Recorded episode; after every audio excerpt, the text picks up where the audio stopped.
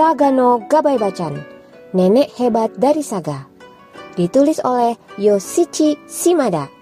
Diterbitkan oleh Tokuma Shoten Publishing di Jepang dan di Indonesia oleh Kansabuk, divisi dari Mahdabuk. Selamat mendengarkan.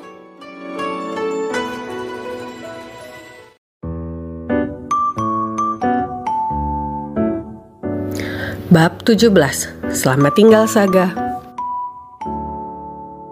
Di saat udara dingin kian menjadi-jadi, aku menerima kabar menggembirakan. Aku diterima di SMA Koryu di Hiroshima sebagai murid penerima beasiswa klub baseball. Tokunaga, selamat ya. Cuma dua orang yang terpilih dari area Kushu loh. Kata Tanaka Sensei ikut bangga sambil menepuk bahuku. Sang guru penasihat klub baseball itulah yang menulis surat rekomendasi untukku. SMA Koryu merupakan sekolah yang setiap tahun mengirim tim baseballnya bertanding ke ajang kompetisi baseball antar SMA tingkat nasional. Dengan kata lain, sekolah dengan klub baseball yang prestisius. Selain itu, karena diterima sebagai murid beasiswa, Berarti aku bakal dibebaskan dari biaya masuk dan biaya sekolah per bulannya. Terlebih lagi aku dapat kembali tinggal bersama ibuku di Hiroshima.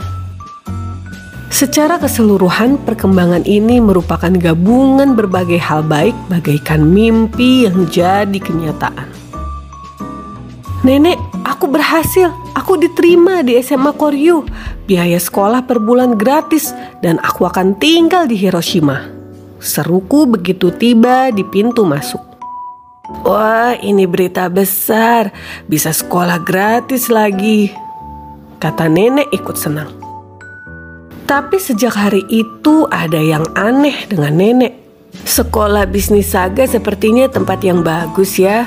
Kata nenek tiba-tiba tanpa ada peringatan di tengah-tengah makan malam. Terkadang dia juga menggumamkan hal-hal lain yang serupa. Sekolah Bisnis Saga maksudnya adalah SMA jurusan bisnis Kota Saga yang terletak tak jauh dari sini. Sekolah ini pun memiliki tim baseball yang kuat. Kalau aku gagal masuk SMA Koryu, sebenarnya aku bisa saja masuk SMA ini juga dengan rekomendasi sekolah. Kalau kau masuk sekolah bisnis saga, nenek masih bisa melihatmu latihan. Kalau belajar pembukuan di sekolah bisnis saga, kau tidak akan susah dapat kerja, bukan? Sekolah bisnis saga itu sekolah yang bagus, kan? Meski secara langsung tidak mampu bilang bahwa dia ingin agar aku tetap tinggal di Saga, akhirnya nenek hanya menggumamkan pernyataan-pernyataan itu. Ini membuat hatiku bergetar. Aku memang amat sangat ingin tinggal bersama ibuku, tapi meninggalkan nenek hidup sendirian di Saga membuat hatiku sedih. Selain itu, teman-temanku juga banyak di Saga.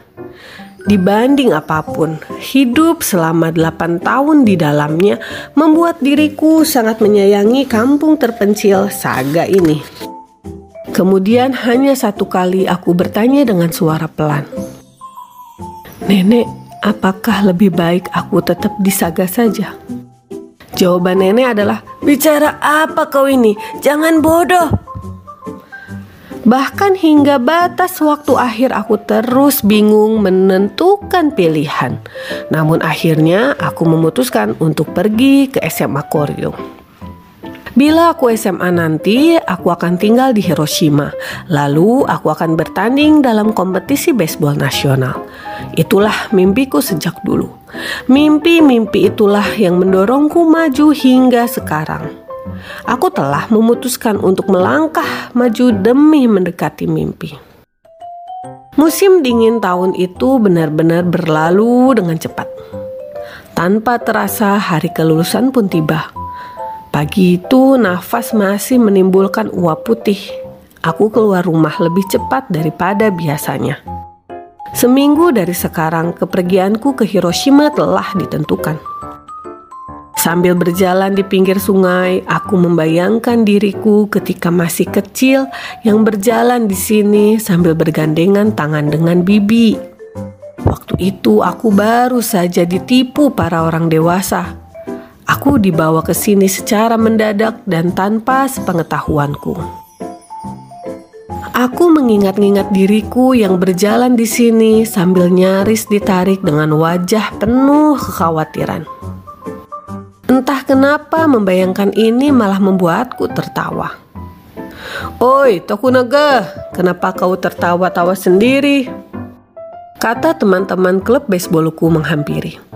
Ternyata tanpa sadar semua orang sama-sama keluar dari rumah lebih awal daripada biasanya. Ketika berkumpul di taman sekolah, di mana-mana ada pemandangan seorang anak yang dilemparkan ke udara oleh teman-temannya. Kemudian upacara kelulusan pun mencapai klimaksnya. Mendadak aku merasa ada jarak yang tercipta ketika sosok semua orang seakan diselimuti semacam lapisan. Hanya bunga anyelir pink yang disematkan di dada teman-teman yang berbagi tawa dengan kulah yang secara aneh tertangkap tajam oleh mata. Hari ini kita benar-benar sudah lulus ya. Entah oleh siapa kata-kata ini diucapkan, lebih seperti ucapan kepada diri sendiri. Mendengarnya, aku langsung merasakan pedih dan sedih bergejolak di dalam hatiku. Tanpa mengurangi rasa hormat, Sebentar lagi kita akan mengantarkan para lulusan keluar sekolah. Para adik kelas silahkan berbaris membuat jalan yang akan dilalui para lulusan. Kemudian para lulusan diharap bergerak dalam bentuk barisan.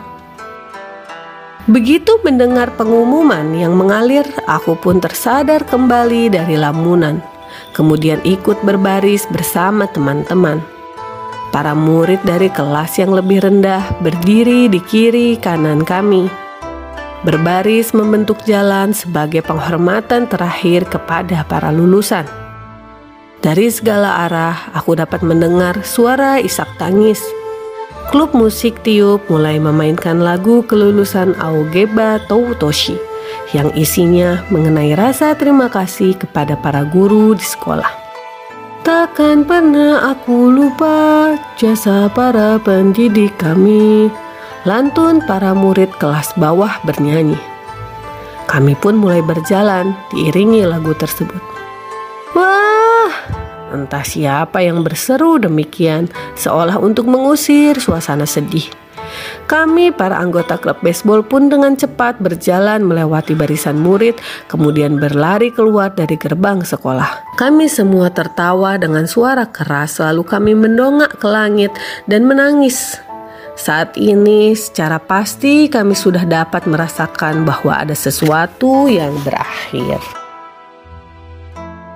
Di pagi seminggu setelahnya, Aku sedang bersiap-siap keluar dari rumah nenek dengan menjinjing tas kecil di tangan. Bukannya untuk mengantarkanku pergi, nenek keluar rumah seperti biasa di pagi hari untuk mencuci ketel di sungai. Aku pun berpamitan pada punggung nenek. Nek, aku pergi ya. Ya, pergilah. Delapan tahun ini, terima kasih ya. Ya, ya pergi sana. Eh, airnya.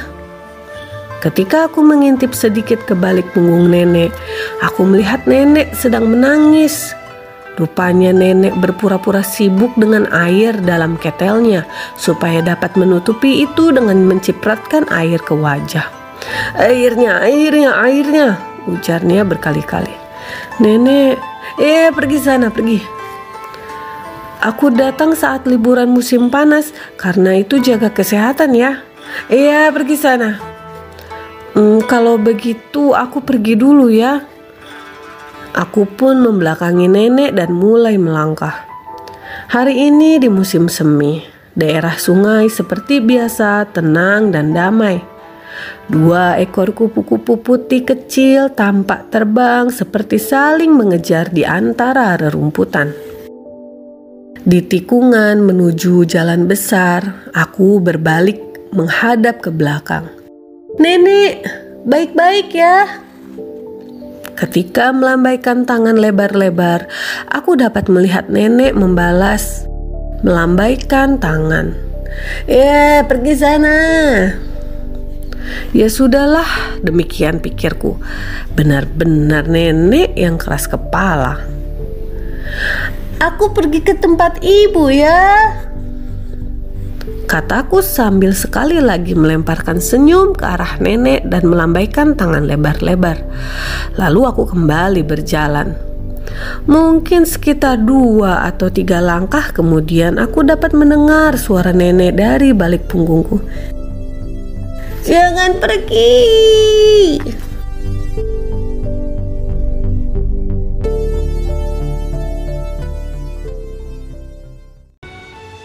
Gimana kisah nenek? Hebat kan? Dengerin lagi ya bab berikutnya.